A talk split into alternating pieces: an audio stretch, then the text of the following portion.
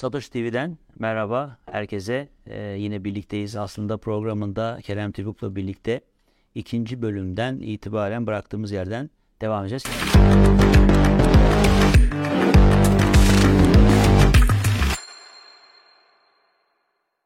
Kerem hoş geldin. Hoş bulduk. Görüşmeli nasılsın? İyidir. İyi maşallah hiç değişmiyorsun.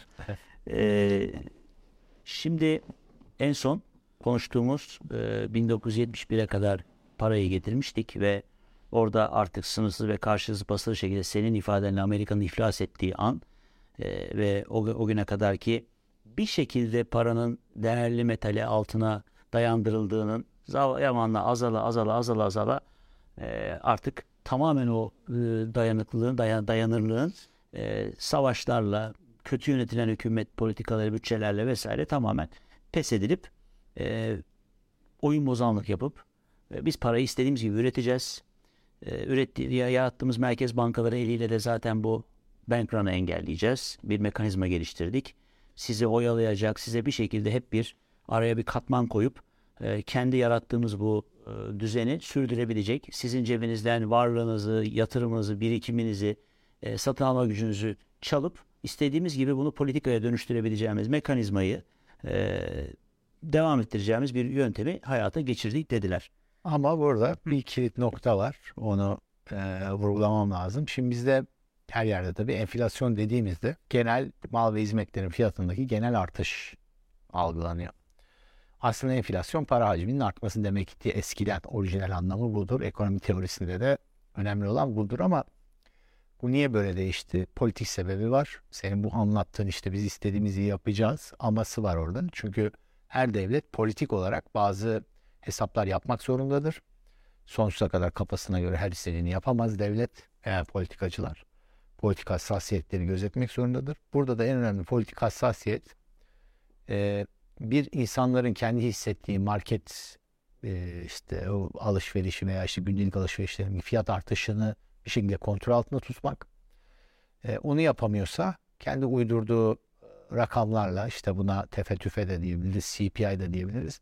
Bunları e, manipüle ederek gerekirse, gerekirse düşük göstererek e, bu politik rakamı, bu rakam politik bir rakamdır. Ekonomide hiçbir anlamı, önemi yoktur bu rakamın. E, önemli olan e, satın alma gücün gidiyor mu gitmiyor mu aslında budur. Yani yüzde üç mü gitmiş, ne kadar beş mi gitmiş, evet, ne kadar gitmiş. Tabii. Bunun bu tamamen politik bir rakamdır. Bunu kontrol edip geri dediğin doğru ama de, ilk başta söyledim biz istediğimiz gibi para basarız. Politik amaçlarla harcarız. Koltuğumuzu korumak için harcarız. Gelecek nesillere faturayı bir şekilde çıkararak öteleyerek faturayı öteleyerek. kendi yani. dönemimizi kurtararak yani. Tabii, tabii. Şimdi tabii e, bu çok önemli bir aslında şey söylediği Kerem'in yani e, bu sokaktaki gerçek hissedilen enflasyon denilen e, o gerçek olan o zaten. Yani satın alma gücünüzü ne kadar kaybettiğinizi zaten ya ben geçen hafta aldığım şeyi 100 liraya şimdi aynı şeyi 150 liraya alıyorum diyorsanız gerçek olan tek şey o. Çünkü sizi yaşatan şey peynir, yumurta e, ve o peynir yumurtaya ulaşmak için çalışıyorsunuz bir para kazanıyorsunuz. Dolayısıyla hedef para değil, hedef peynir ve yumurta. Dolayısıyla e, bu rakamları size kabul ettirme noktasında üretilen politikaya da açıklanan enflasyon oranları deniyor. E, şimdi buraya gelirken bu tabii 71'den sonra politika devam etti. E, 2008'deki krizde e, bu krizler hep oldu. Hep de bunun adı değişti, sebebi değişti, gerekçesi değişti ama aslında temelde yatan gerekçe hiç değişmedi. Sizin satın alma gücünüzü e, karşılıksız basılan paralarla erittiler. Ve bunu eritirlerken yine eritip size dağıtsalar iyiydi. Bütün dünya için konuşuyorum bunu. Maalesef e, üretilen finansal ürünlerle o finansal ürünlerin türevleriyle bir şekilde bankacılık ve finans sektörü e, endüstri e, bu ürünlerle ürünlerin lobileriyle, pazarlama, iletişim tekno- şeyleri, yöntemleriyle, yarattıkları algılarla sizi de onun içine zaman zaman çekerek gel sen de borsada hissede al para kazan diyerek vesaire. Esas itibariyle ilk senin kurduğun cümle üretmeden tüketemezsiniz noktasında işte o yaratılan ekonomiler, balonlar ki o balonların patlaması da kriz. Balon olmazsa kriz olmaz. O balonların e, arkasındaki e, tamamen finansal enstrüman üzerinden yaratılan sahte bir zenginlik ve o zenginliğe dünyadaki toplumda toplumsal katmanların sadece en teperindekinin ulaşabildiği o varlığa, zenginliğe aşağıdakinin onun peşinden koştuğu ve genellikle de kaybettiği E, ve dolayısıyla da e, vert e, şey dediğimiz e, tra- servet transferi dediğimiz e, şeyin sürekli olarak devam ettiği ve zenginin zenginleştiği, fakirin fakirleştiği bu düzen. Ya, özellikle 1971'i vurguluyoruz hep. Twitter'da güzel bir hesap var. WTF 1971 diye. Ben de bazen paylaşıyorum 71'de ne oldu diye. Şimdi onlarla parayla alakasız bir sürü işte grafik veriyor hesap araştırmış. Siz de herkes araştırabilir. Sonuçta bunun geçmişi var. İşte 1970 e, Time Series senelere göre işte en önemli şeylerden biri e, ortalama üretkenlikle ortalama maaş. 1971'e kadar beraber gidiyor. Üretkenlik Müthiş bir arttıkça ayrışma maaş var oradan sonra. 71'den sonra üretkenlik artıyor, maaş artmıyor böyle. Aynı şekilde e, gelir a- e, dağılımındaki adaletsizlik. 1971'de özel görüyorsun yani bakıyorsun ve yani o grafiklere bakan biri hiçbir şeyden anlamasa lan 1971'de ne oldu derler. Yani şeyin amacı o. İşte boşanma sayılarından tut sosyal bir sürü Hepsi sonuçları. birbirini etkiliyor sonuçta. Ya inanılmaz yani. O e, öyle büyük bir kırılma ki tabii içine doğduğumuz için biz bunu yani bugün yaşayan herkes hemen hemen bunun içine doğmuş. Ancak 80-90 yaşında 100 yaşında olanlar belki hatırlar geçmişi. E, bize bu normal o yüzden e, mesela geçen haftaki programda vurguladım. Para 71'e kadar altındı.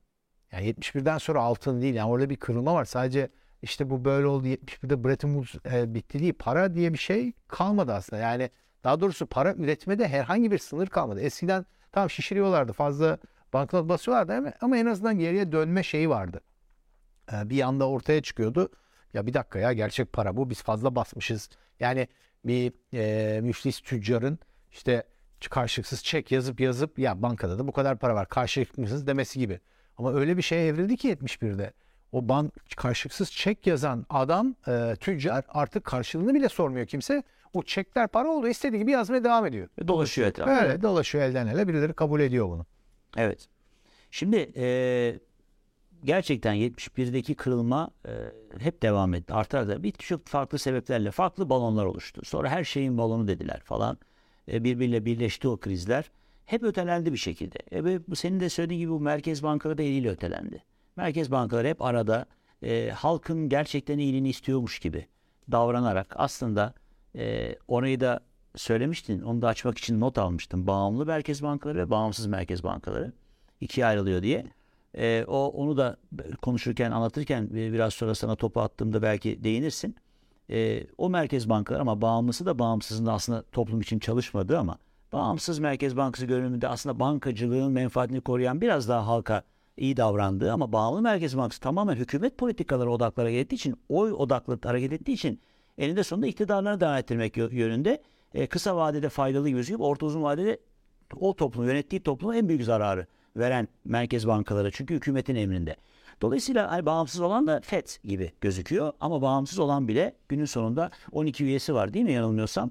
Ee, onu oluşturan bankaları ve bankacılık sisteminin yani aslında halktan gizlice e, halkın parasını toplayıp ondan çok daha fazlasını sağa sola dağıtıp ondan paralar kazanıp e, zenginlikler yaratıp CEO'sundan ortaklarına kadar banka mekanizmasının ama mevduat sahibinin parasının güvende olmadığı, saldırdığında bankaya parasını alamadığı ve iflasların olduğu, e, kredi Bazen verdiği kurban ediyorlar. Mesela işte Fed bankacılık sistemini koruyor diyoruz ya Amerika'da. Şimdi her bankayı da korumuyor, koruyamıyor politik olarak. Arada e, çürüklerini feda ediyor. İşte bu e, Silicon Valley Bank gibi, Olduğu gibi. Bank gibi. Ama mesela Geçmişte- veda edemiyor Ha, sistem. Çünkü Be- sistem risk yaratıyor. Lehman Brothers gibi.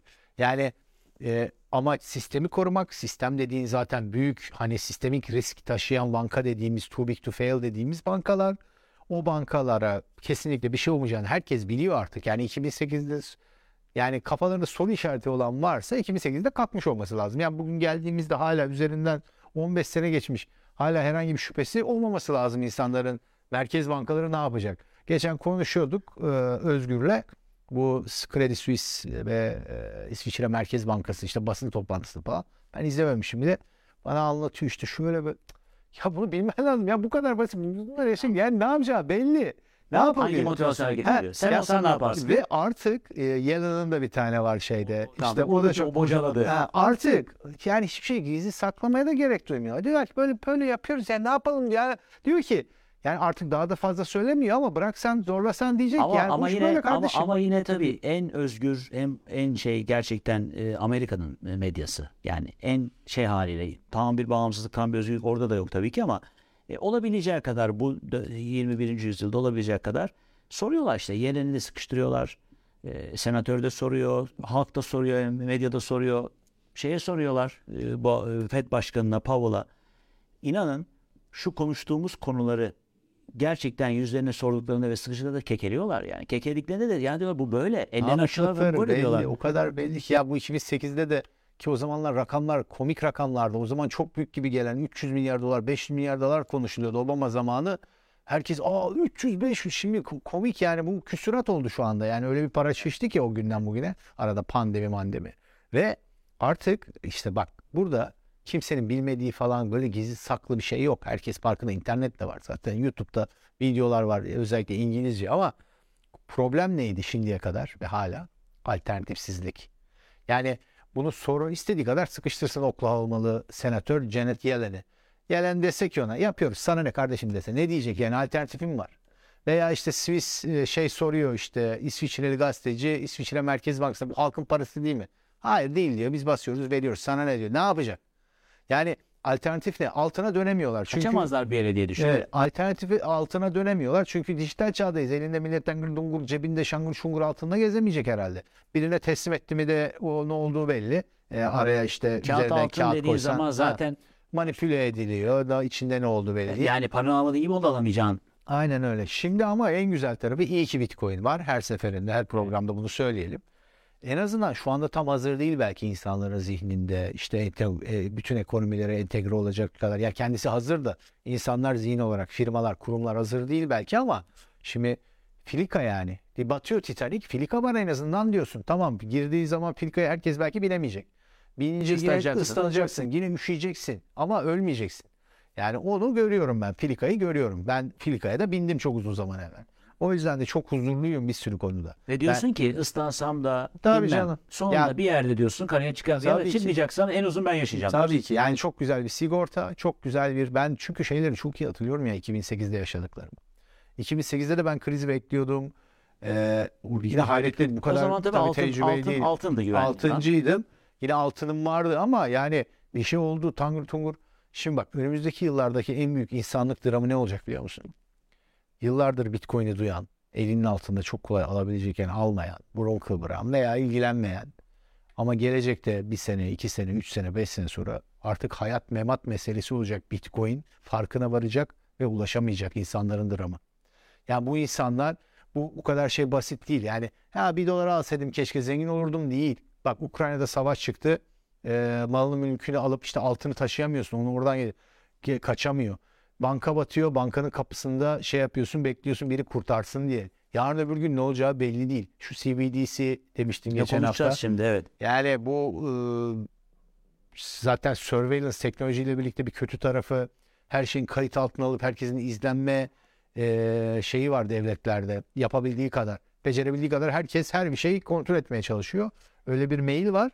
O e, CBDC ile oraya doğru da bir gidiş var. Buradan insanın kendini kurtarması lazım. İnsanı yani kendi özgür sovereign dediğimiz bu işte İngiltere'den çıkmıştır bu. Her insan evinin kralıdır. Çünkü orada bir krallık var. Evet herkes biliyor kral ülkenin sahibi. Ama diyor ki bu evde kral benim diyor. Yani bu 500 sene evvel İngiltere'de oturmuş bir, kültür. Bu liberal demokrasiye e, evrilmiş bir şey zaten. Şimdi şimdi o zaman e, yani tabii merkez bankalarının bu dijital para e, furyası ki açıkçası bu Amerika'dan da çıkmadı. E, hatta bununla alakalı e, merkez bankaları dijital currency madem ki dijital teknolojiler bu kolaylığı yaratıyor. Madem ki artık kağıt para kullanımı azalıyor. Özellikle pandemide bu çok e, pandemi bir sürü şeye sebep oldu. Yani 2008 krizinden sonra pandemiyle birlikte bütün bu e, karşılıksız para basma e, mekanizmaları çok daha yoğun kullanılmaya başlandı. Yani o sürdürebilsin insanlara değil hiçbir şey üretmeden paralar verilmeye başladı bütün dünyada insanlara ve zaten o e, 2020 ile beraber bütün varlıkların e, fiyatı e, arttı. E, ve Bitcoin de orada büyük bir e, şey yaşadı. E, ve bu ama bunun bir bedeli vardı. Yani 71'den beri 1971'den beri gelen bir bedel. E, daha evveliyatta var ama kabaca işte kırılma olarak gördüğümüz yerden sonra ve bu 2008 kriziyle beraber ayyuka çıktı. Sonra bir ara bir sıkılaştırmaya çalıştılar. Beceremediler. Bırakmadılar. Çünkü e, senin dediğin gibi e, eroin bağımlısına eroini vermezsen krize girer. O krize girdiğinde onu da şöyle bir yerde gördüm. E, onlar da böyle uyuşturucu falan demek istemeyip herhalde dediler. E, çocuğun elindeki şekeri eğer alıştırı da almaya kalkarsan çocuk öfke nöbetine giriyor. E, o şekeri istiyor tekrar. E, dolayısıyla bu bir e, tantrum diyorlar işte ona öfke nöbeti. E, tapering tantrum diye çıktı. Yani biz bu parayı verdik verdik ama dediler 2008 ile 2020 arasında bir yerde. 2017-18'lerde falan. E, bunu biz sürekli veremeyiz. Çünkü enflasyon yaratıyor ve bununla biz baş edemeyiz. Bizi de götürecek, her şeyi götürecek. Biz bunu artık bir frenleyip verdiğimizi biraz geri alalım dediklerinde nereye geri alıyorsun? O geri almak ne demek? Öyle bir şey yok. Daha fazlasını vereceksin. Buna alıştık artık falan dediklerinde e, büyük krizler çıktı ve hep geri adım attılar. 2020'de de geri adımın en feriştahını attılar. Pandemi, evet. Pandemide Mazeret de buldular. Mazeret de buldular ve onunla birlikte zaten bugünlere geldik yani. Artık onun sonrasında 2023, e, 2022, 23 bunun devamıdır. Ve tabii burada şunları gördük. Yani e, parayı basıyorlar, veriyorlar mesela. İşte 2008'de kurtarırken krizde e, bankaları. Bankalar paraları aldılar. E, İşte hani o halka dağılsın, üretime, üretim üre, üreti, üreticen, üreten araçlara, üretim araçlarına sermaye olarak dönsün, hani iş sahibi olsun insanlar falan değil. Madem ki hükümetler alıyorlar bunları, bu can fondları, ben bunu ucuzdan alırım. Yine hükümet aslında yine hükümetten aldı, fare, para kazanan. Ben şeyi çok iyi hatırlıyorum mesela, Obama'yı hatırlıyorum. Obama dedi, 0.25'te Fed'den alıp e, 1.75'te devlet tahvili alıp havadan sürekli para kazanıyor. 1.5 yani sonu da yok. Yani Çünkü sınırsız üretilen para bir yandan da sınırsız bir gelir kaynağına dönüşüyor. İşte o ne demişlerdi o zaman? Ee, no lose casino. Yani ka- kaybetme ihtimali olmayan bir ya kumarhane düşün. Amerika'da 2008'de işte hala öyle. E, şimdi şubeler mubeler yani banka dediğin banka biz nasıl biliyoruz? Şube var. İşte millet oraya para yatırıyor. Vadeli hesap, vadesiz hesap bir iş adamı geliyor işte esnaf kredi alıyor falan ya. Evet. Amerikan bankacılığında bu kesim büyük bankalar için, Fed'de line olan bankalar için bir fronttur. Yani göstermelik bir şeydir. Gerçek parayı adamlar Fed'den aldıkları parayı, borcu e, hazine tahvili, yine Amerikan hazine tahvili alarak aradaki spreadle o da 1,5-2 yüzde e, yani çok bedava olduğu için be- bü- büyük para öyle kazandılar. Bütün işte sermaye yeterlilikleri yoktu. Sermaye yeterlilikleri şimdi iyi, stres test falan diyorlar. O sayede sermaye yaptı. O karla. Yani inanılmaz e, şeyler oldu. Şey Yani mesela müthişti. ve Yani- şu anda da aynısı olacak söyleyeyim. Ha. Şimdi diyorlar ya şimdi bir yandan enflasyonla mücadele ediyoruz.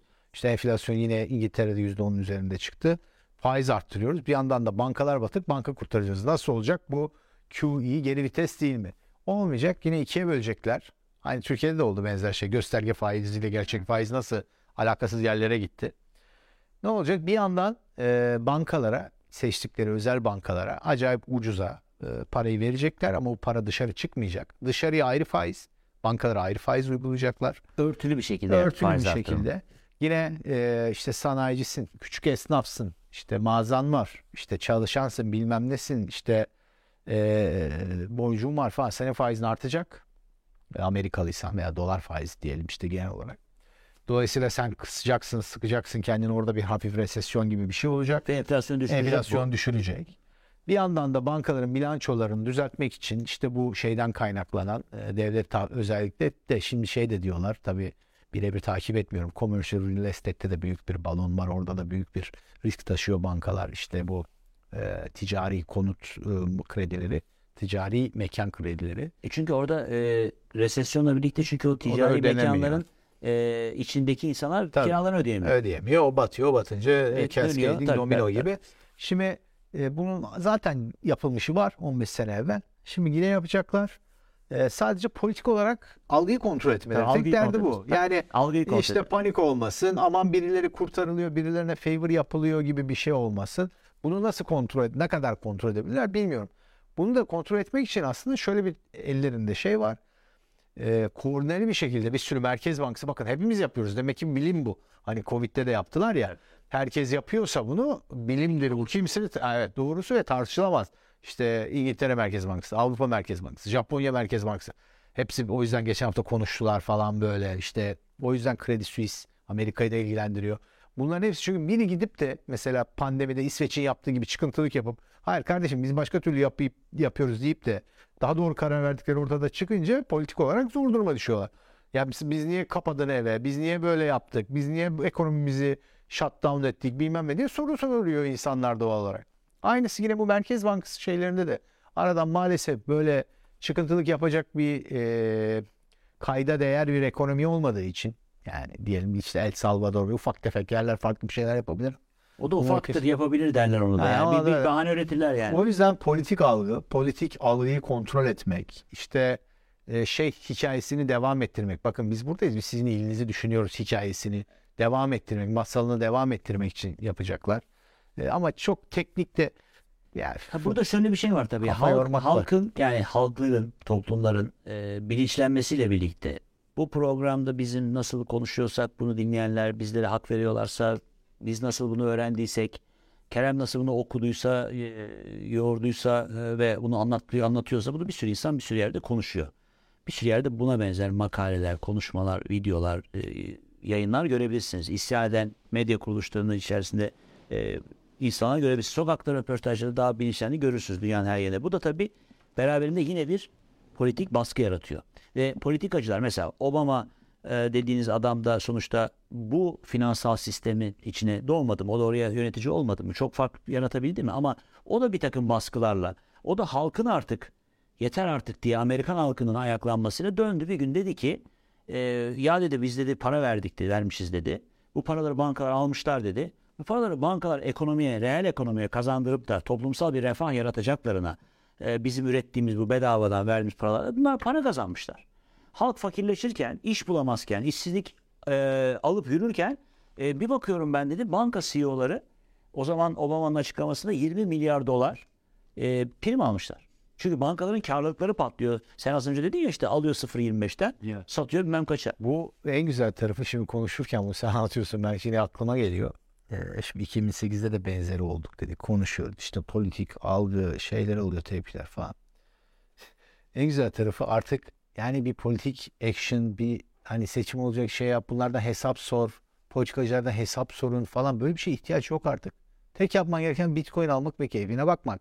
Yani öyle bir şimdi tekrar tekrar her seferinde hayret ediyorum ve o kadar mutlu oluyorum bunu bitcoin'in var olduğu şimdi düşünüyorum 2008'de ne yapabilirdim şimdi bir sırada insan ne yapabilir diyelim ki bunları anladı algıladı bu olayı. Üç kağıdı. kadar altın alıp onu saklamaya koymaya yani ne yap ya politikacılara mektup yazsan ne fark eder oy versen ne fark eder bilmem ne yapsan ne fark eder bağırsan çağırsan gösteri yapsan ne fark eder bilmem ne yapsan ne fark eder. Adamlar seni çaresizce almışlar. Diyorlar ki kardeşim biz bankalar böyle bunu yapacağız şunu yapacağız bunu yapacağız sen sesini çıkarmayacaksın. Abi işte yapacak bir şey var şu anda var. Evet. Var ama var ama mesela orada orada işte e, engeller var. Yani şimdi var deyince ne yapabiliyorsun? E, BTC Türk'ten Bitcoin alıyorsun. Bankandan para gönderiyorsun. Legal. ve hemen kendi cüzdanına ve, çekiyorsun ve, ve istersen tabii e, tutuyorsun harcayacaksan tutuyorsun. Harcamayacağım ben bunu kendi bankam olacağım. Bitcoin'in tüm tüm e, özelliklerini kullanacağım e, dediğinde ki tavsiye edilen e, bu. E, Bitcoin'i kendi soğuk cüzdanınıza tercih et. Kendi cüzdanınıza internet erişimi olmayan yani hacklenme ihtimali soğuk cüzdana, offline çalışan cüzdana çekilmesi de en ideali. Bunu yapıp tek yapmanız gereken şey bunu öğrenmeniz yarım gününüzü bile almaz. en kötüsü de 12 tane İngilizce kelime imzalıyor Ha, şu, ezberliyorsun şu, yani şu. bir de o var Ya ezberleyeceksiniz ya da ezberlemeyecekseniz onu bir kağıda yazacaksınız. O kağıdı canlı gibi koruyacaksınız. İşte onu işte banka kasasına mı koyarsınız, yastığınızın altına mı koyarsınız? O, o e, kurtarma kelimeleriniz, o şifreleriniz e, sizin e, dışınızda kimse bilmiyorsa sizin dışınızda kimsenin erişemeyeceği varlığınıza sizin garantiniz.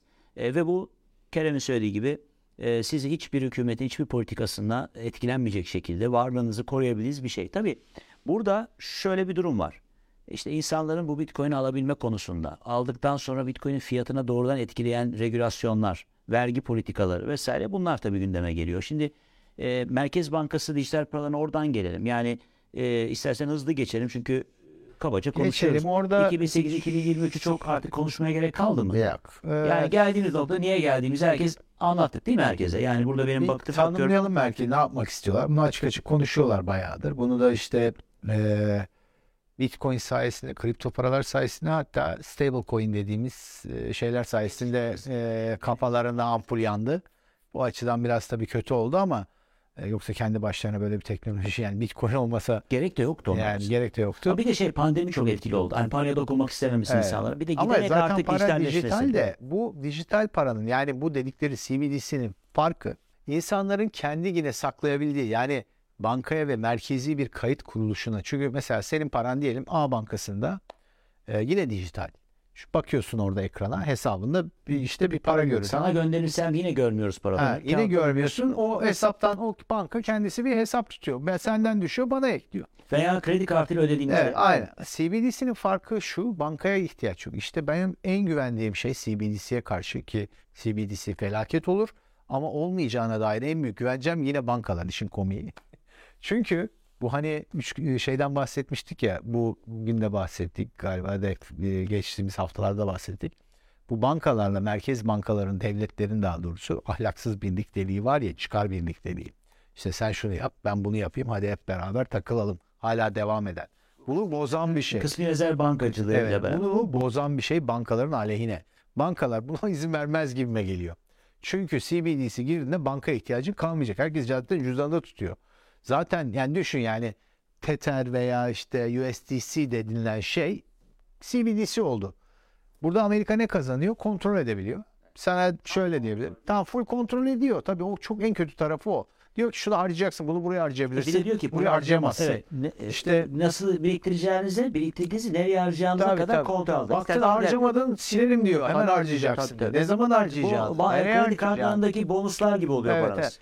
Yani bir anda bütün paran adamın elinde gücü. Ama bankaya ihtiyacın yok.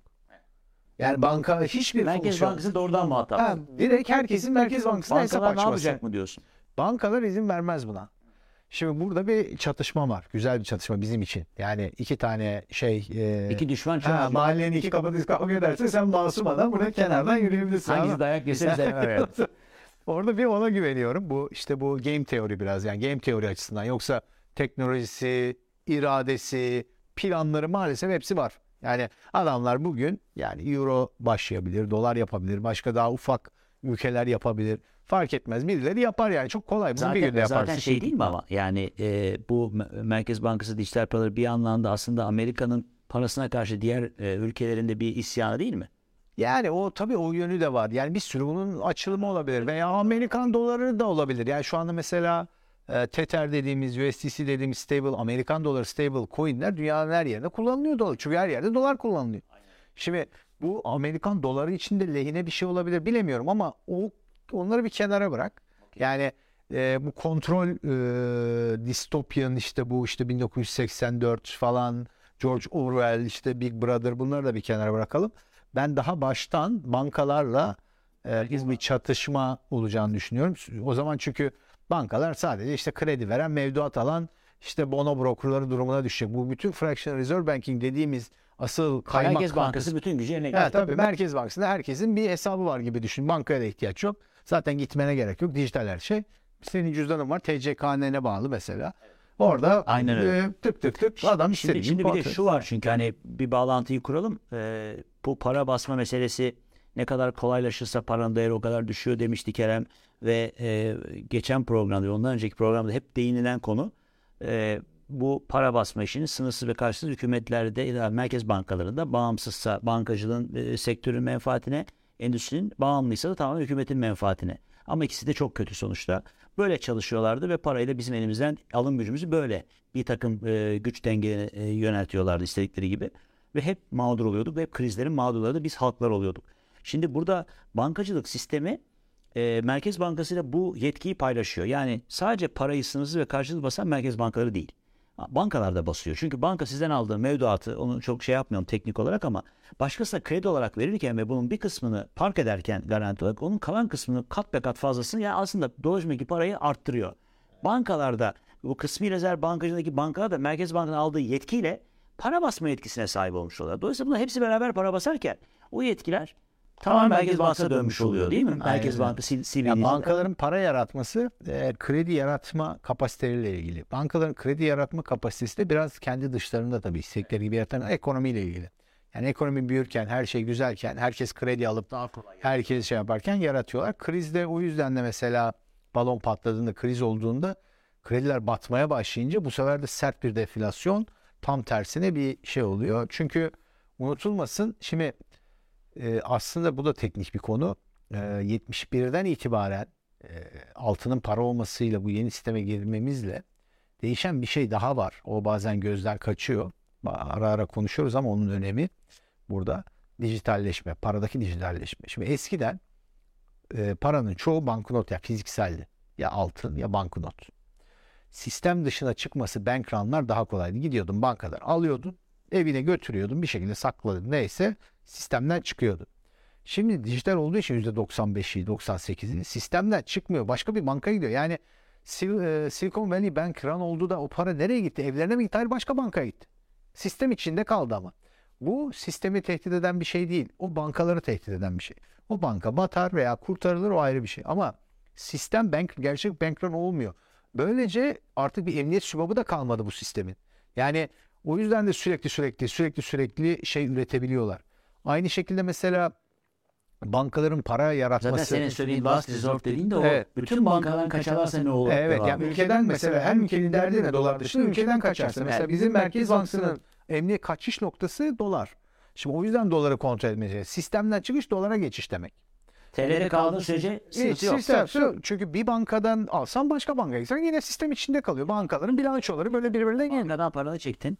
Bu da sistemden çıkmış olma anlama gelmiyor. Eğer o parayla gidip ben paramı çektim Kerem'in arabasını satın alırsam O Kerem de, Kerem de sattı arabanın parasını bankaya koyunca sonuçta araba şey, ülkenin içinde para ülkenin içinde bankasında ama ne zamanki dolara geçiyorsunuz o ülkeden Zaten bankaların para yaratması da krediyle bu mekanizmayla oluyor. Bunlar kafalarına göre para basmıyorlar dünyada. Nasıl yapıyorlar? Sen kredi e, çünkü her kredi aynı zamanda mevduat. Sana verdiğim krediyi sen mevduata koyduğun için Mevduattan kredi- ikisi de şişiyor. aynen. Anladın mı? Yani pat aa burada olmuş bir daha veriyorum diyor. Bak bir daha senin, mevduat senin, oldu. senin, senin krediyle aldığın parayı bankaya koyduğunda banka o paradan bir kısım ayırıp onu da kredi olarak bana veriyor. Evet. Ben çektiğim krediyi götürüp oraya veriyorum. Ben onu başkasına Aynen kredi veriyorum. bilanço çünkü Zaten öyledir. Dengeli bir parayı rap. böyle yaratmış oluyor. Aynen aynen. Evet, dolayısıyla e, merkez bankaların bu CBDC dedikleri e, yeni yarattıkları ve önümüzdeki aylarda da Amerika açıklıyor. E, diğer ülkelerde de bu çal- çalışmalar, Türkiye'de de bu çalışmalar devam ediyor. E, Kerem'in de az önce anlattığı gibi e, Merkez Bankası kontrolü daha fazla bankada. Bankalar daha çok bir aracı kuruma dönüşüyor. Buna izin vermezler diyor. Umarım vermezler. Onu eyle- seyretmek de patlamış salıp çok keyifli olur.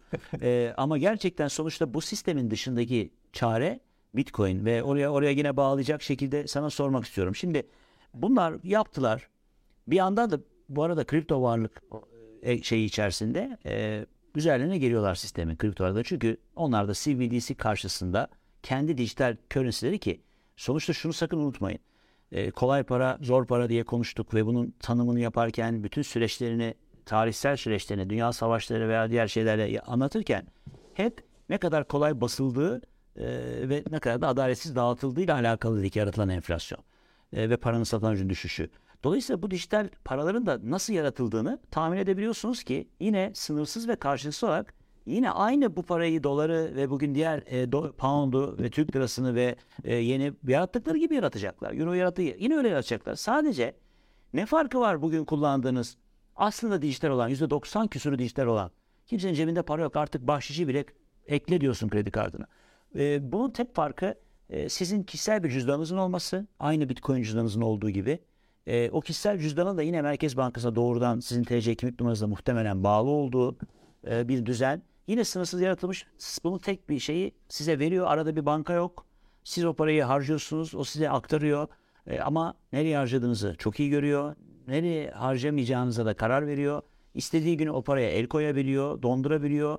Şu kadarına şu tarihte el koyarım, buraya kadar harca diyor. Yani bu parayı bu kadar harcamalısın. Ben sana sonra gene vereceğim diyor. Tamamen sizi aslında tam anlamıyla kontrol altına alıyor. Şimdi bunları yaparken e, bu enflasyona bir çare olacak mı? Yani enflasyona Yani sonuçta- enflasyon değil bir. Yani bunlar e, para tutan insanların satın alma güçlerini çaktırmadan en önemli şey bu. Çaktırmadan çalmaya devam etmek istiyorlar. O yüzden düzen devam etsin. Evet, o yüzden Powell'a sorduklarında ideal ne yüzde iki? Niye yüzde iki kardeşim? Yani niye yüzde iki çalasın? Onun sebebi şu söylemiyor. Sen bunu hissetmeden ben çalıyorum diye. Onu olunca hissediyorsun diyor. Canın yanmasın. E canın yanmadan hissetmeden yani bu gece yarısı işte e, sivrisineğin sokması gibi sokması diyor. gibi. Yani bir şey e, salgılar ya hissetmezsin. Evet. Uyuşturucu salgılar sivrisinek. Ondan sonra kaşınmaya başlarsın. Aynı onun gibi. Sen şey yap diyor. Sen hissettirmeden alayım. Tek dertleri bu. Yalnız şöyle bir şey var. Şimdi bunu e, şimdi bu e, şeytan devletlerin planları falan bunları konuşurken hatta Bitcoin'in başından beri hep şunu vurgulamak zorunda kalıyorum. Ben bunları tabii çok kafa yordum tahmin edersin. En başından beri devletler Bitcoin'e izin verir mi? Kim yasaklar? İşte bizi böyle şey yaparlar mı falan filan. Şimdi bir unutulmaması gereken şey şu. Devletlerin kudreti mutlak değildir. Her istediklerini yapamazlar. Planlayabilirler. Arzulayabilirler. Keşke olsun diyenler çıkar aralarına bir de devlet dediğin tek bir monolitik bir varlık değil. Devlet dediğin soyut bir kavram. Bir sürü adam var orada. Farklı farklı düşünen, bazen aynı düşünen kanatlar var. Bir de aslında e, bir de aslında devlet derken de e, biz hükümeti kastediyoruz. Ya çünkü- fa- sen çünkü- fark et Sen, senin sen- için hayır, fark senin için, senin için devlet tan- tanımından dolayı biliyorum anarko kapitalist ama şu var tabii yani. Yani bir grup insan kendine devlet dediği için devlet var. Soyutla somut arasındaki fark odur zaten. Somut sen kale almasan da bakmasan da var olan şeydir. Soyut senin hakkındadır.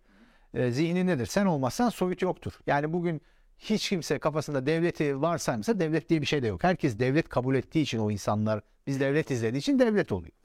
Millet de böyledir, ulus da böyledir, şey de böyledir.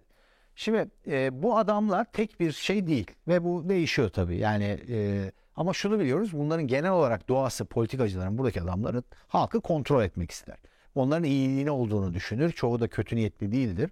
İşte biz bunları serbest bırakırsak bunlar işte çocuk şeyi gibi aynı Covid'de de oldu. Bu başıboş bırakırsak bunlar sapıtır. Biz bunları kontrol edelim. Ne tüketeceklerini, ne üreteceklerini biz karar verelim. İşte şöyle olsun böyle olsun. Adam demiş ya işte bu politikada iflas edince tabii hemen karşı politikalarına insanlar şey yapıyor. Mesela işte bu düzende serbest piyasa ekonomisi siz kötü niyetinize kullandığınızda e, tabii ki o da ne oluyor? Yozlaşıyor. İnsan yoz bir varlık olduğu için. E, ve insanlar diyor ki bu serbest piyasa Allah kahretsin il- illallah ettik bittik battık. E ne o komünizm varmış diyorlar buna karşı. O da çıktı ama şey dedi biliyorsun değil mi? Ya komünizm iyi bir şey olsa biz getiririz zaten. Hatırlıyorsun değil mi o lafı yani? Komünizm yani o zamanın siyasetçisi Ya, kim bilmiyorum Şunu da. düşün. Çok makar bir şey olsa biz getirirdik dedi. Yani Şimdi halkın ilgileniği onlar biliyor. Bitcoin'i yasakladılar diyor. Tamam? Bitcoin yasaklamak demek, Bitcoin'i durdurmak demek değil. Bunun teknik bir sürü sebebi var. Ara ara konuşuyoruz. Bitcoin sahibi olmayı ve bit illegal ilan etmek demek. Bugün dünyada illegal ilan edilmiş, dünyanın her yerinde veya değişik bölgelerinde çatır çatır yapılan milyon tane iş var. En başta uyuşturucu. Yıllardır bütün devletler koordineli bir şekilde uyuşturucularla mücadele ediyorlar mı? Ediyorlar. Escobar'da, El Chapo'suyla bilmem milyar dolarlık sektör var mı? Ha, atıyorlar mı? Atıyorlar. Öldürüyorlar mı? Milyar dolarlık sektör var mı? Ve bu uyuşturucu keyif maddesi ha. Hayat memat meselesi değil. Bitcoin gibi. Şimdi bir hayat memat meselesi var. İnsanların nefes alabildiği, e, çoluğuna çocuğunun geleceğini şey yaptığı bir varlık var. Bunu yasaklayacaksın sen ve bu ortadan yok olacak. Böyle bir şey yok bir kere yani. Olmayacağı belli. Şimdi şöyle bir şey var zaten. Ee, bu dünya dediğimiz yerde de hepsinin oturup aynı fikirde olması mümkün. Bir kere kendi halkları isyan ettiklerinde politik Tabii canım. kaygıyla. Şimdi mesela bugün Amerika'yı örnek verelim. Amerika en e, dominant hükümet ve e, yönlendirici, politikaları yönlendirici kurumları barındıran bir e, şey olduğu için, varlık olduğu için hep bir referans şeyi var. E bugün 400 e, milyon 450 milyon insan da dünyada e, Bitcoin ve kripto varlık olduğu konuşuluyor. Bunun 50 milyon 60 milyon Amerika'da. Bunlar oy veriyor. Ve bugün bakıyoruz, takip ediyoruz. Bunları biraz daha derinlemesine gireriz. E, Amerikan senatosunda şurada burada e, karşı çıkıyorlar. E, lobiler oluşuyor. Kendi Onun dışında e, çok iyi bir şey var dünyada. Dünyada aslında ülkeler arası anarşi var. Yani bir dünya devleti var mı tepede? Hepsinin Yok, üstünde yok. tabii ki. Değil mi?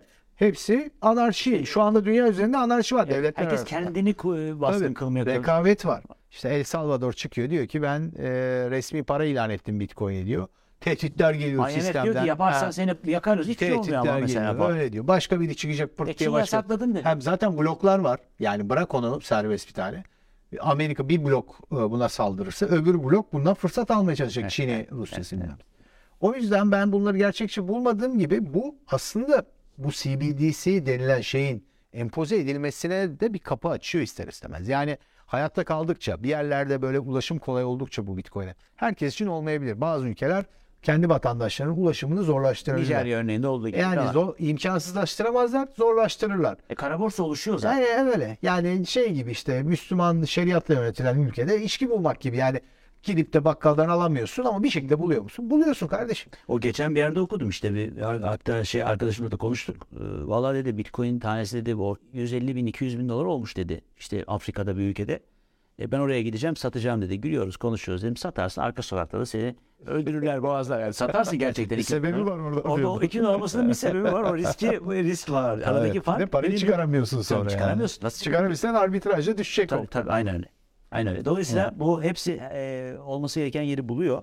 E, ve tabii bu merkez bankalarının dijital paraları nasıl bir kontrol etme aracı olduğu ve aslında bugüne gelen düzene hiçbir katkısını yani düzeltmesi için bir katkısının olmadığı e, bir yandan da yani Bitcoin'i olarak gördükleri için de bununla savaşıyorlar regülasyonlarla, düzenlemelerle falan ama bunun da e, çok fazla bir karşılığının e, ülkeler arasındaki rekabette kaynaklanarak veya halkların talepleri doğrultusunda e, seçim yaklaştıkça bundan taviz vermek zorunda. Düşünün yani birçok ülkede e, niyetleniyorlar vergi koyalım, niyetleniyorlar regüle edelim, erteliyorlar. Niye erteliyorlar? Seçim var, e, kullananlar var, kendi hükümetleri içerisinde alanlar var. Menfaatler bir yerde çatışıyor ve herkes kendini koruyabildiği bir yer buldu. Orada da bir örgütlenme söz konusu. Yani bir de bugün Bitcoin komünitesi var dediğimiz yerde e, Amerika'da özellikle tarafı- bayağı Amerika'da lobi çok- yapıyorlar. Amerika'daki lobi ve sen ben ve biz biz de bir örgütleniyoruz bir yerde biz de oy verirken menfaatimize bakıyoruz. Dolayısıyla e, bu noktada dijitalleşmeyle insanların toplumların nerede kendilerinin sömürüldüğünü ve nerede kendi haklarının korunduğunu görerek ve o dijital dönüşümle ve e, hayatın da teknolojik e, gelişimiyle birlikte kolaylaştığı noktada e, finansal ve teknolojik okuryazarlıklarla su yolunu buluyor. Buradan da bir sonraki bölümde devam ederiz. Kerem teşekkür ediyorum. Evet, Hoşça kal. sağ ol.